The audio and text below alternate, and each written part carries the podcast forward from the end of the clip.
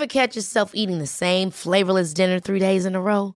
Dreaming of something better? Well, HelloFresh is your guilt-free dream come true, baby. It's me, Gigi Palmer. Let's wake up those taste buds with hot, juicy pecan-crusted chicken or garlic butter shrimp scampi. Mm. Hello Fresh. Stop dreaming of all the delicious possibilities and dig in at HelloFresh.com. Let's get this dinner party started. When you're ready to pop the question, the last thing you want to do is second guess the ring.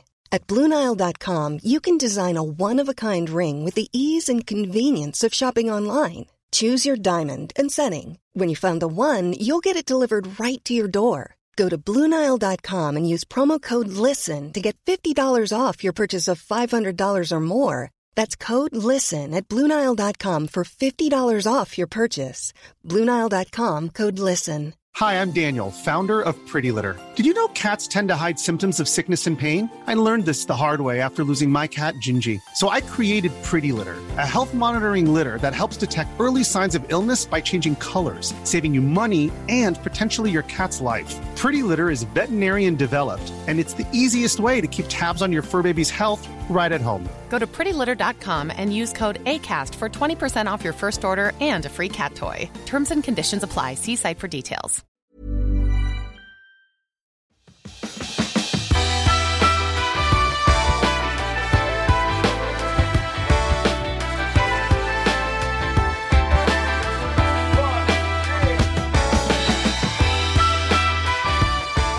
Hej och varmt välkommen till Klimakteriepodden med mig, Åsa Melin.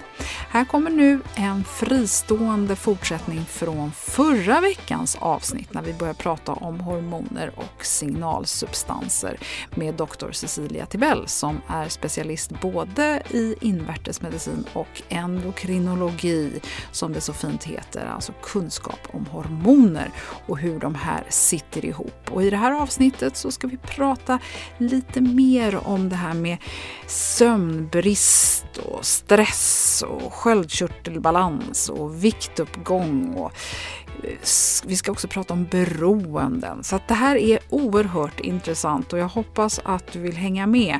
Och jag är helt övertygad om att du kan få någon liten pusselbit som har fattats i ditt förstående i det stora hela. Det är inte bara östrogen och gulkroppshormon som eh, ska funka i kroppen för att vi ska må bra. Så välkommen att lyssna.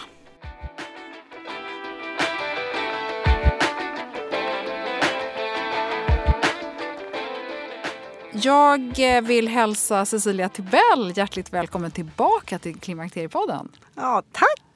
Det är eh, spännande. Nu eh, har vi redan börjat pass ett eh, från förra avsnittet. Så har man inte lyssnat på det så tycker jag att man ska göra det. För annars kan det kännas lite som man kommer mitt in i ett samtal här. Men vi ska fortsätta på det här med viktiga hormoner. Och jag skulle vilja att vi pratar vidare om det här med stress. För vi pratade, vi avslutade förra veckan med att prata om kortisol framförallt som kan vara både positivt och negativt. Vad händer om man utsätts för mycket stress, framförallt nu under de här klimakterieåren? Ja, man kan ju säga varför har vi stress? Eh, så att säga, stress fyller ju en fysiologisk funktion från början. Vi producerar en stressreaktion när vi utsätts för fara. Eh, och då är ju stressreaktionen adekvat. Står vi framför en arg grizzlybjörn då behöver vi vår stressreaktion för det som händer då är att vi frisätter kortisol som hjälper oss att rekrytera socker och, och fett och energi. Så vi kan springa därifrån väldigt fort eller slåss tillbaks. Eh, vi släpper också ut adrenalin och noradrenalin för att höja pulsen, bli mer alerta, vara mera på vår vakt och fokusera på det som vi behöver lösa just nu. Eh, problemet med när man utsätter kroppen för det hela tiden är ju att funktionen som vi har, det vill säga att kunna agera vettigt i en livshotande situation. Eh, det är inte bra för kroppen långsiktigt. Är vi konstant utsatta för stress Ja, om kroppen alltid tror att den är på väg att rymma någonstans eller slåss så kommer den prioritera ner de funktionerna som inte är så viktiga vid livsfara. Det är ju inte så att vi tänker oss att ha sex om det står en arg grizzlybjörn. Eh, och därmed så blir hela den här funktionen att bli fler nerprioriterad. Våra könshormoner blir nerprioriterade. Det är inte så viktigt att fatta beslut om hur framtiden ska se ut eftersom att i dagsläget så ska vi ju bara ta oss från hotet. Eh, det vill säga våran kognitiva förmåga blir fokuserad på kortsiktiga beslut och vi klarar inte riktigt av att göra det där rationella tänkandet som gör att vi kan fatta beslut och förstå orsak och konsekvens längre fram. Sova kan vi ju inte göra om vi har mycket, om vi är utsatta för ett dödshot. Utan nu är ju läget när jag måste vara på min vakt när jag ska kunna springa iväg från situationen eller gå in i fight. Eh, känslomässigt så blir vi också lite avtrubbade.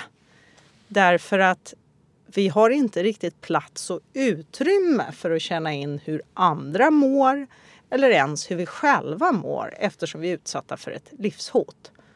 Så att då blir det blir det påverkan på våra system. Vi sover sämre och att vi sover sämre gör tyvärr att vi producerar ännu mera stresshormoner. Vi får en nedreglering av våra könshormoner, det vill säga de här östrogen och progesteron som vi pratade om i förra avsnittet, eh, blir bortprioriterade. Så då får vi mera symptom av vårt klimakterium. Det är där vi befinner oss i. Mm. Eh, vi, så, så, vi sover sämre, vi får påverkan av våra könshormoner. Det blir svårare att hålla humöret och ha bra relationer därför att vi i vår stress har svårare att vara empatiska och inkännande och kanske reflektera över hur den här andra personen uppfattar det vi säger. Så det är lättare att hamna i konflikter eller att få ett väldigt undflyende beteende därför att det blir för känslomässigt jobbigt för oss. Och... Oj, det här tror jag många känner igen sig i. Både med tonårsbarn och arbetsrelationer och med sin partner. Ja, och då är det så där att när är det vi stressar mest? Ja, men det är ju precis i den här åldern när alla stora hormonella förändringar sker. Tidigare födde vi barn tidigare i livet men nu är det ju många som skjuter upp sitt barnafödande till ganska sent i livet. Och det betyder att det där glappet mellan små barn och att man går in i sin övergångsålder det blir mindre och därmed så blir man utsatt för mera dålig sömn, mera stress och man har mindre reserver att klara av det. Mm.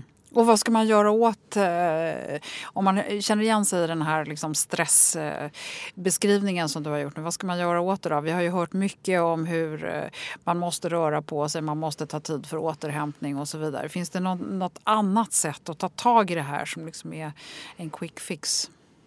Jag tror att det är svår, svårt med quick fix. Jag tror att problemet är att när vi börjar prata om sådana där saker så börjar vi prata om alla saker som man måste göra. Och det i sig är för många en stress. Jag tror kanske fokus är att våga plocka bort. Att våga ta bort att hemmet alltid måste se helt fantastiskt ut. Eh, för vi lever i en värld där vår yta har blivit väldigt viktigt. Det kanske får vara lite dammråttor i hörnen. Mm. Det är ingen som har dött av det. det kanske till och med får lite dammråttor i håret. ja. ja. Men också eh, eh, kanske eh, att våga släppa kontrollen. För jag upplever att åtminstone min generation, jag är ju 50 år, vi allting ska vara så perfekt. Och jag, om jag tittar tillbaka på hur det var när min mamma var i samma ålder och generationen före det så upplevde inte jag att de ställde samma krav på sig själva. Man, man, man skulle inte, det var det här att vara framgångsrik, helst tjäna mycket pengar, ha personlig utveckling, hinna vara fantastiskt vältränad, äta rätt fast ändå unna sig. Eh, det var mer okej okay att vara vuxen och kanske att vara 50 år. Och strunta i måsten, att man hade ja. helt enkelt tagit bort dem från sitt liv och fick vara den man ville vara. Ja, att man vågade mera vara. Kanske att man landade mer i att nu är jag här och nu är jag den här personen. Men sägandes detta så var det ju också så att de flesta hade ju då barn som snarast var vuxna. Mm. Mm. Ja, det blir en annan situation, men jag, för, jag förstår dig. Eh, om vi kommer in på det här med serotonin och melatonin då. Eh, mm. För det blir ju också en följd av den här stressen, tänker jag. Serotoninet ska hålla oss glada och melatoninet ska få oss att sova. Hur, hur kontrollerar vi de här hormonerna? Ja, och, och, då är det ju precis det här problemet som jag sa att när vi har en stressreaktion så blir ju vårat, vårat eget mående ens inte prioriterat. Eh, och inte sömnen. Och när vi sover dåligt så, så har vi en, vi har en liten körtel som kallas eh, eh, som sitter i, i hjärnan som hjälper oss att styra vår dygnsrytm. Så när vi slår upp ögonen på morgonen så får vi solljus. Och då får den här talgkortkörteln som den heter, den får en liten signal. Nu ska jag börja förbereda och by bygga sånt här melatonin som vi behöver för att sen kunna sova. Så går dagen och sen när ljuset försvinner och då är det speciell form av ljus som ögat är känsligt för så får den istället en signal att frisätta det här sömnhormonet. När det här sömnhormonet frisätts så blir vi sömniga och går och lägger oss. Och då kan man ju säga att i dagens samhälle så har vi ett problem att vi har den där lilla telefonen va? som vi har vid sängen. Mm. Som har ett ljus som säger håll dig vaken. Mm. Eh, istället för att eh, sova. Vi går inte upp med solljuset i dagens samhälle utan vi går upp klockan sex på morgonen sen vare sig det är mörkt eller ljust ute. Och alla de här sakerna bidrar till att vi, våra sömnhormon hamnar i obalans. Får man dessutom lite stress på det så, så blir det svårt att komma ner i tillräckligt med varv och vi har stört vår dygnsrytm så vi får svårt att få till den här produktionen. Och så börjar vi sova sämre. Och både melatonin och serotonin kan man säga är dessutom beroende av att vi får i oss tryptofan. Tryptofan ska sen omvandlas till 5-HTP och därifrån så omvandlas det till antingen serotonin eller melatonin. När vi har ett kortisolpåslag eller vi har mycket stresshormoner då eh, blir, prioriterar kroppen inte producera de här hormonerna helt enkelt. Du har ju jobbat med vikt och då vill jag att vi ändå passar på att prata om det. Vi kom in på det förra mm. eh, avsnittet med, med att ofta så blir vikten den Eh, man lägger på sig lite grann och då blir många kvinnor stressade av det och då stressar de kroppen genom att gå på hårda dieter och så vidare. Men vad är det som gör då att man, man går upp i vikt? Är det också något hormon som har hamnat på sniskan? Ja, alltså det så pratade vi då i förra avsnittet om att när våra hormoner går ner så, så, eh, så får man en påverkan. Och det var därför jag sa när det här med stressen kommer in och vi får lite mindre östrogen. Då verkar det som att våran kropp liksom säger men jag behöver lite mer av det där östrogenet. Och östrogen produceras i äggstockarna men som vi också pratade om förra avsnittet så kan även vårt bukfett och så bidra med östrogenproduktion. Så min personliga reflektion det är att en del av det här har säkert att göra med att vi vill ha mera östrogen så vi blir lite mera sugna. Vi vill liksom få tillbaka våra hormoner. Eh, så. så tänker jag på det fysiologiskt. Men sen är det också så att när östrogen går ner så påverkas den här produktionen av eh, eh, bärarproteiner i levern. Så att våran sköldkörtel inte får lika mycket protein att flytta runt alla sköldkörtelhormoner till kroppen. Så att det kan ju också spela roll. Så även om man har normal sköldkörtel och en okej okay kortisolbalans och så, att det blir en förändring i själva balansen. Mm. på det så med åldern blir vi lite sämre på att ta upp näring. Så vi behöver äta lite mer för att bli balanserade i vår näringstäthet så att säga. Eh, och det, driver ju också på. Kroppen brukar ju vilja rätta till det som är fel. Det är bara mm. det att ibland... Och kan, men det låter ju som att man inte ska kämpa emot den där viktuppgången. Utan att man bara helt enkelt då får acceptera att nej men nu ska du bli tre kilo tyngre. Jag, jag tror att man får acceptera att saker och ting förändrar sig. Och framförallt då om man inte vill gå upp de där kilorna så kanske man behöver titta mer på vad, man, vad man lägger på tallriken. För våran ämnesomsättning går ner från det att vi är 25-30 någonstans för varje år. Vi behöver mindre och mindre kalorier för att hålla vikten. Mm. Samtidigt blir vi sämre och sämre på att ta upp näringen på ett bra sätt. Eh, och då betyder det att det är svårare och svårare att få balans. Så att man kanske behöver titta mer på vad, vad ligger på min tallrik egentligen. Mm. Och då kommer vi också in på det här med, med tillskott. Tycker du att det är... Jag tänker så att människan är ju ändå väldigt eh, tålig och vi, vi brukar kunna fixa, eh, fixa det mesta här. Men är det någonting i det här skedet som ändå är värt att titta på? Eh, om du säger nu att näringsupptaget blir sämre och allting blir, låter ju katastrof. Ja, men jag tror att där, och då är jag tillbaka till det där. Om man minskar sin stress och får bättre sömn är ju otroligt viktigt för att vi ska kunna laga alla system. Så är det också lättare att fatta kloka beslut vad man har på sin tallrik. Och att vi tänker mer på att det vi äter är näringstätt. Tillskott eller inte tillskott. Har man symptom så kan jag tycka att det är värt att kolla. Så. Det är ju ganska vanligt med D-vitaminbrist och som jag sa i förra avsnittet då när man har, om man har varit i den här perioden när man har haft mycket blödningar så är det inte heller så ovanligt med järnbrist. Dessutom, Sverige är ett kaffedrickande land. Vi dricker ganska mycket kaffe. Kaffe tenderar till att urlaka våra magnesiumdepåer. Magnesium behövs för att vi ska kunna sköta vår ämnesomsättning på ett bra sätt. Många av de här spårmineralerna och våra vitaminer behövs liksom för att vår kropp ska kunna fungera optimalt. Med det sagt så äter man en bra näringstät kost och tar hand om sig själv så är det inte säkert att man behöver ta ett enda tillskott. Nej. Eh, om vi nu kommer bara utveckla det med, med koffeinet där. Koffein och alkohol är ju Eh, påstressande och dränerande saker. tänker jag. Vi behöver inte bunta ihop dem som två. Men om vi börjar med det här med att man dricker mycket kaffe eller får i sig mycket koffein. Vad, vad gör det på en stressad kropp eller stresskänslig kropp? Ja, koffein pressar ju på den här frisättningen utav stresshormoner i systemen. Så att eh, och det känner ju man om man inte dricker kaffe så ofta. Så folk som inte brukar dricka kaffe märker ju av att de kanske får lite snabbare puls. De kan till och med bli lite skakiga och darriga och känna sig lite varma.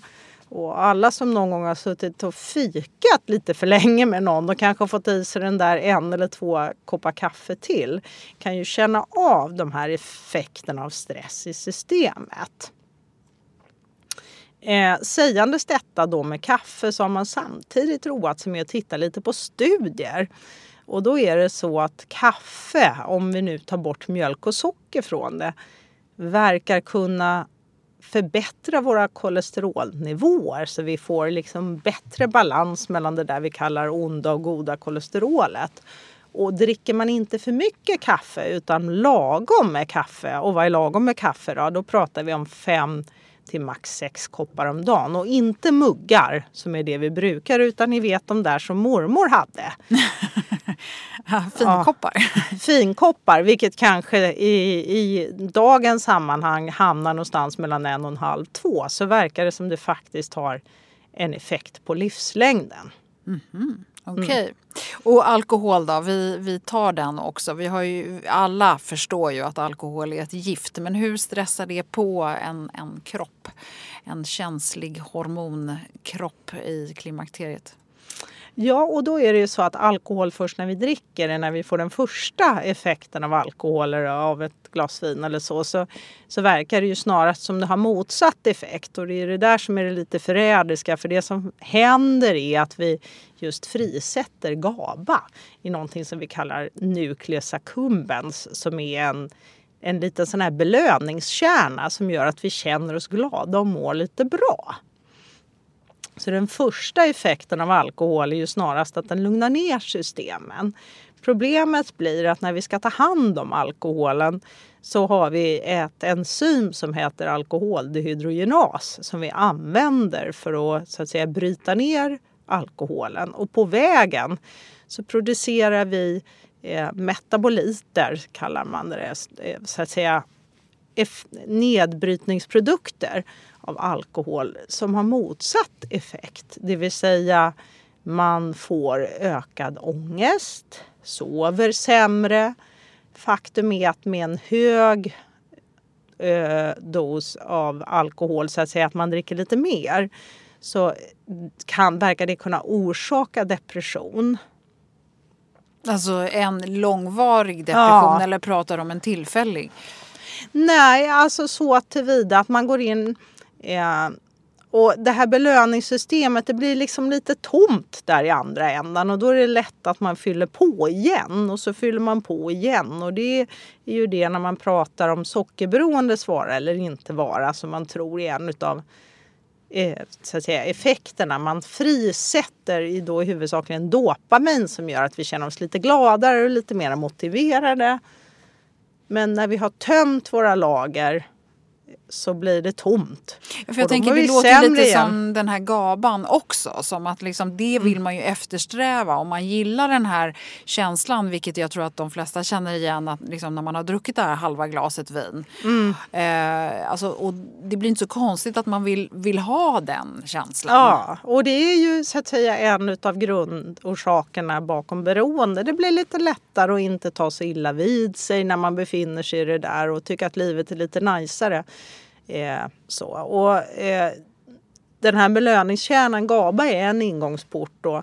Dopamin som till exempel kokain och amfetamin frisätter är en annan ingångsport. Men alltihopa, sex är en tredje, en naturlig ingångsport. Så att mm. säga.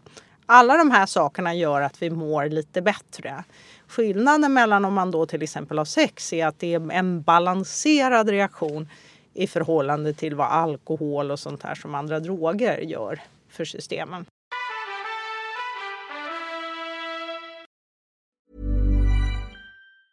Planning for your next trip? Elevate your travel style with Quince. Quince has all the jet-setting essentials you'll want for your next getaway, like European linen, premium luggage options, buttery soft Italian leather bags and so much more. And it's all priced at 50 to 80% less than similar brands. Plus, Quince only works with factories that use safe and ethical manufacturing practices. Pack your bags with high-quality essentials you'll be wearing for vacations to come with Quince. Go to quince.com slash trip for free shipping and 365-day returns. Many of us have those stubborn pounds that seem impossible to lose, no matter how good we eat or how hard we work out. My solution is plush care. PlushCare is a leading telehealth provider with doctors who are there for you day and night to partner with you in your weight loss journey. They can prescribe FDA-approved weight loss medications like Wagovi and Zepbound for those who qualify. Plus, they accept most insurance plans. To get started, visit plushcare.com slash weight loss. That's plushcare.com slash weight loss. Hiring for your small business? If you're not looking for professionals on LinkedIn, you're looking in the wrong place. That's like looking for your car keys in a fish tank. LinkedIn helps you hire professionals you can't find anywhere else, even those who aren't actively searching for a new job but might be open to the perfect role. In a given month, over 70% of LinkedIn users don't even visit other leading job sites. So start looking in the right place. With LinkedIn, you can hire professionals like a professional. Post your free job on linkedin.com slash people today.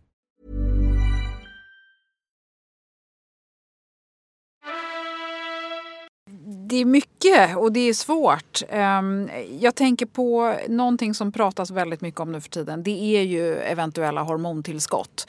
Det låter ju som att det finns när hormonsystemet börjar svaja i förklimakteriet och sen genom klimakteriet och sen ska vi lära oss leva med, med mindre könshormoner. Ehm, det låter ju som att det finns väldigt många olika saker man skulle kunna tillsätta här. Allt från då GABAn till 5-HTP mm. till eh, serotonin och jag vet inte allt som... som var ska, om man nu överhuvudtaget ska fundera på hormontillskott eller göra någon form av balansering, vad är det man ska ta då?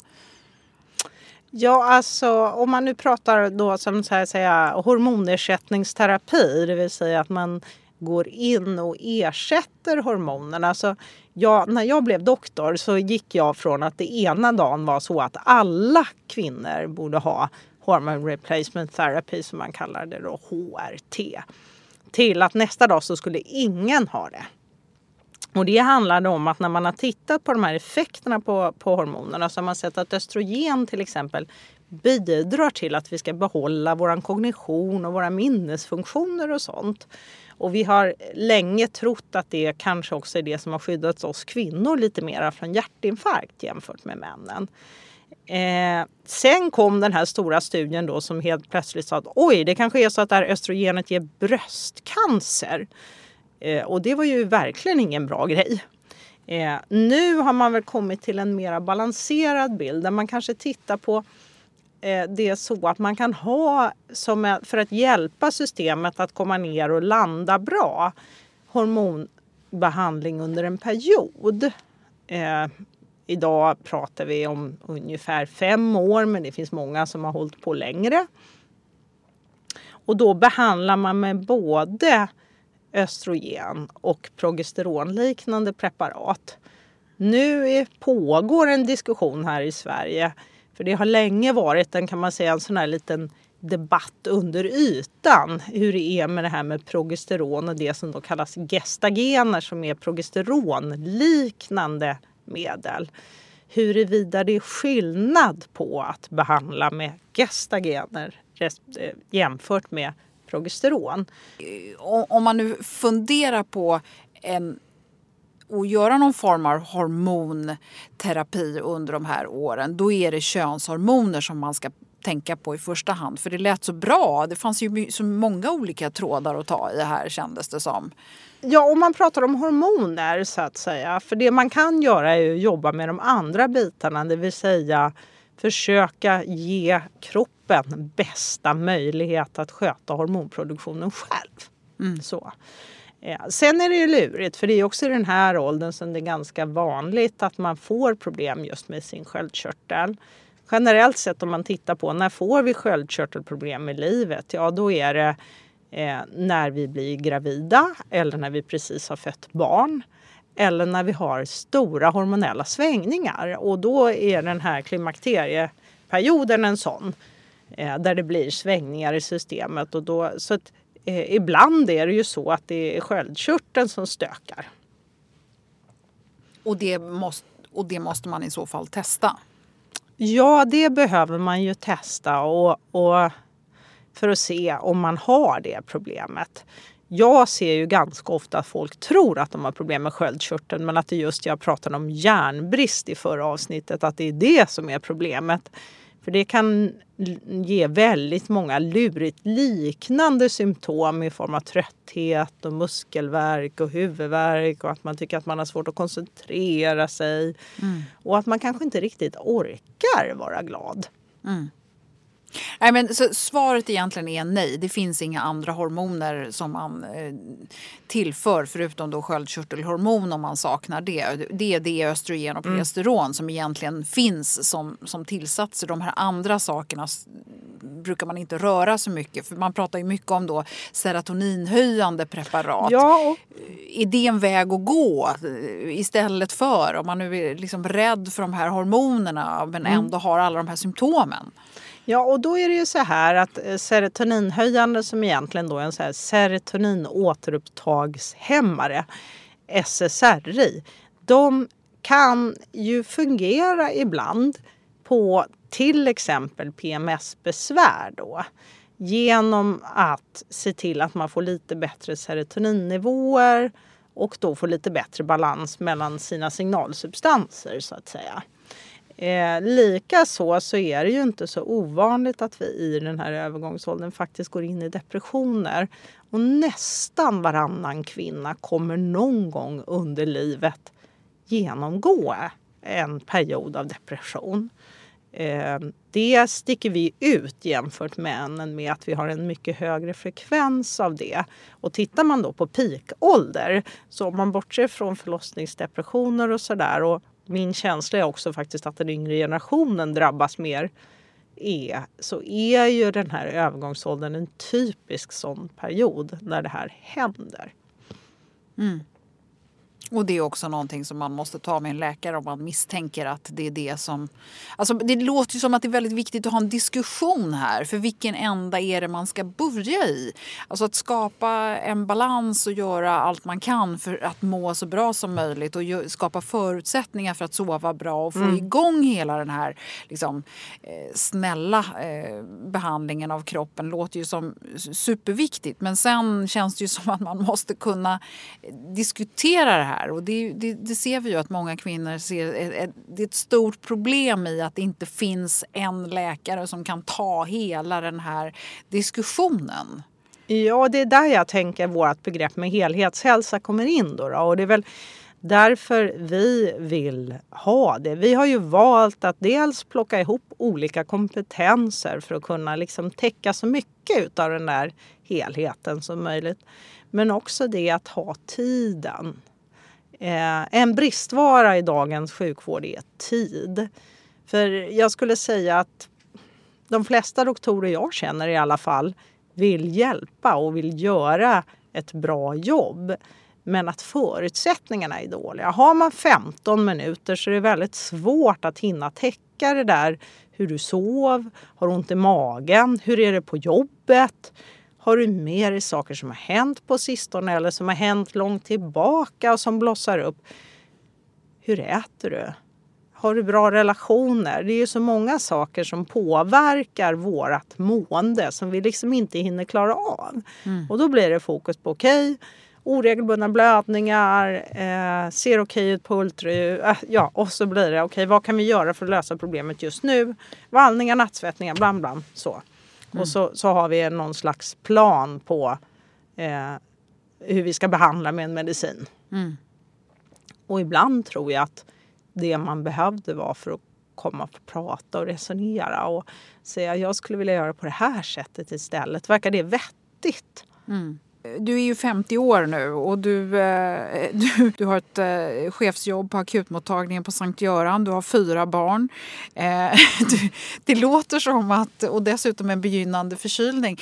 liksom, det låter som du har, har lite på din tallrik. Hur håller du dig själv i, i hormonbalans? Ja, alltså för mig, jag har gjort en viktresa själv ska jag då säga från typ 100 kilo för Oj, ett antal år sedan. Det kan man inte tro. Mm. Och det som var min stora resa, det var nog att titta på mig själv och våga utmana mina rutiner och vanor och se att okej, okay, så här som jag lever har tagit mig hit. Och hur, vad kan jag göra för att förändra och vad behöver jag göra för att förändra? Och, och sen ha tålamod med sig själv. Jag brukar säga att vi, vi växer upp med att mamma och pappa säger borsta tänderna på morgonen och på kvällen. Och från början så är det väldigt mycket tjat. Borsta tänderna på morgonen och på kvällen. Så småningom så blir det där en vana. Vi borstar tänderna på morgonen och kvällen. Mm. Eh, och jag tror, eh, och, och för, för, att svara på frågan då, ja, ibland går det sådär. Eh, när det har varit så här mycket som det har varit nu då går det sådär med min sömn. Eh, jag försöker att ändå uppmärksamma att min kropp säger ifrån. Så. Och vad, vad, har du för, vad är det första din kropp säger? Sömnen. Och nu varför jag halsont det är nog för att jag körde två hårda kickpass i rad. Det vill säga min kropp som är 50 år orkar inte riktigt med så hård träning två dagar i rad. Jag behöver ha en dag jag kanske hade fokuserat på någonting annat. Mm. Och straffet blir att jag får lite för mycket kortisolpåslag och mitt immunsvar blir lite för dåligt. Om jag får göra en gissning. Mm. Mm. Ja, det låter som en ganska kvalificerad gissning. Ja, nej men så att, att man, jag gör, men sen är det ju så att jag, jag faktiskt då i perioder när det har varit svårt att sova har tagit just själv GABA och melatonin. Och måste säga att för mig har det varit en hjälp. Så GABA och melatonin är inte sånt som man måste ta under en längre tid för att få effekt utan det kan du få en, en eh, korttidseffekt på? Mm. Förut fanns det inte, nu har det ju kommit melatonin att förskriva.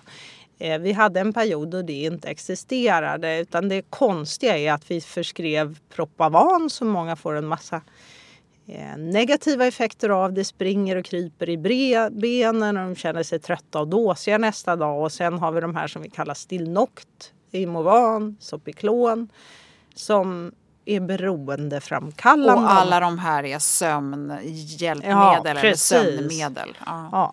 Numera så finns melatonin och så finns även någonting som heter valeriana som tidigare var ett naturläkemedel som är ett naturligt preparat som inte har de här beroendeeffekterna. Eh, och som sagt var ganska nyligen så släppte man GABA som naturläkemedel eh, som vi får sälja mm. i. Och för mig så känns det bättre att ta någonting som vi har många hundra års erfarenhet av. Mm. För de här är framställda från naturliga preparat. Eh, men också det att jag inte använder beroendeframkallande medel. Jag har någon gång när jag har jobbat jobbiga nattveckor och haft svårt att vända det tagit sömntablett. Och det funkar ju, det ska man ju säga. Men eh, jag inbillar mig att det är bättre att göra det på det här sättet i alla fall. Mm. Mm. Mm. Ja, men det låter väl klokt. Vad bra, eh, spännande. Vad har vi missat eh, förutom massor som man skulle kunna gräva djupare i och som man skulle kunna tala mer om? Ja, det, jag blev ju internmedicinare för jag tyckte systemen var så intressant och jag kunde inte bestämma mig. Eh, sen blev jag endokrinolog för att alla hormonerna påverkar systemen. Och sen ju mer man sätter sig in i endokrinologin och då finns det ju många som är mycket duktigare än jag. Så inser man att alla de här systemen dessutom påverkar varandra. Så att eh, det finns ju hur mycket som helst att prata om egentligen. Mm. Det är ett mm. väldigt, väldigt delikat eh, och eh, komplext system vi har. Mm. Samtidigt som jag ändå tänker så här att kroppen har en tendens att fixa sig själv om man liksom bara lyssnar på den. Eh, mm. är det för flummigt eller kan man tänka så? Ja men och det var därför jag sa det här, mår man bra, sover bra, mår känslomässigt bra, har en bra tillvaro så behöver man kanske inte djupdyka i vad man har för hormonbalans eller ej. För den brukar som sagt var säga ifrån. Mm. Eh, men det är kanske det vi behöver göra. Vi behöver känna efter. Mm. Mm. Vad bra. Oj, tack eh, Cecilia för att du kom till Klimakteriepodden. Det har varit två intensiva avsnitt som eh, eh, jag tror att jag kommer behöva lyssna på själv flera gånger innan jag kanske får allting att förstå. Men vi ska lägga upp några spännande länkar i, i som också kan klargöra några av de saker vi har pratat om eh, idag på Klimakteriepoddens hemsida och på Facebook. Men eh, tusen tack Cecilia för att du kom. Ja, vad roligt att få komma.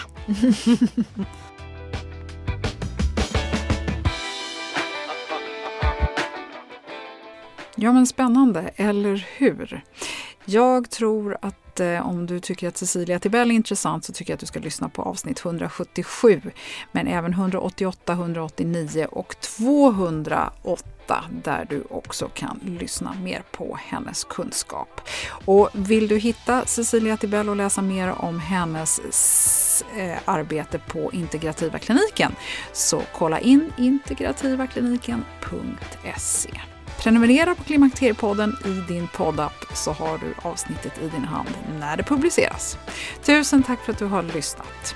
Hej då!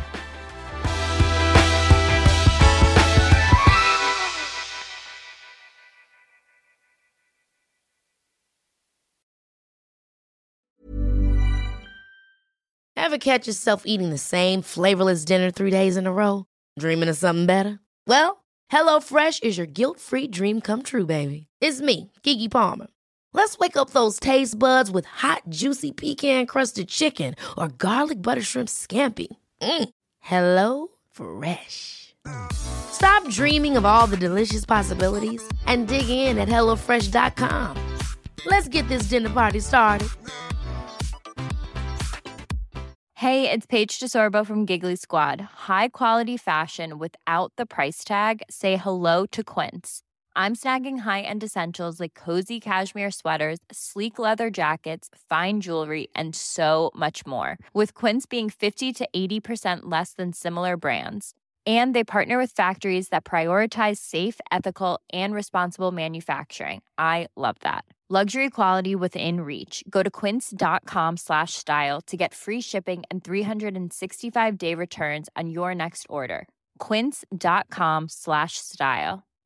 Hi, I'm Daniel, founder of Pretty Litter. Cats and cat owners deserve better than any old fashioned litter. That's why I teamed up with scientists and veterinarians to create Pretty Litter. Its innovative crystal formula has superior odor control and weighs up to 80% less than clay litter. Pretty Litter even monitors health by changing colors to help detect early signs of potential illness. It's the world's smartest kitty litter. Go to prettylitter.com and use code ACAST for 20% off your first order and a free cat toy. Terms and conditions apply. See site for details.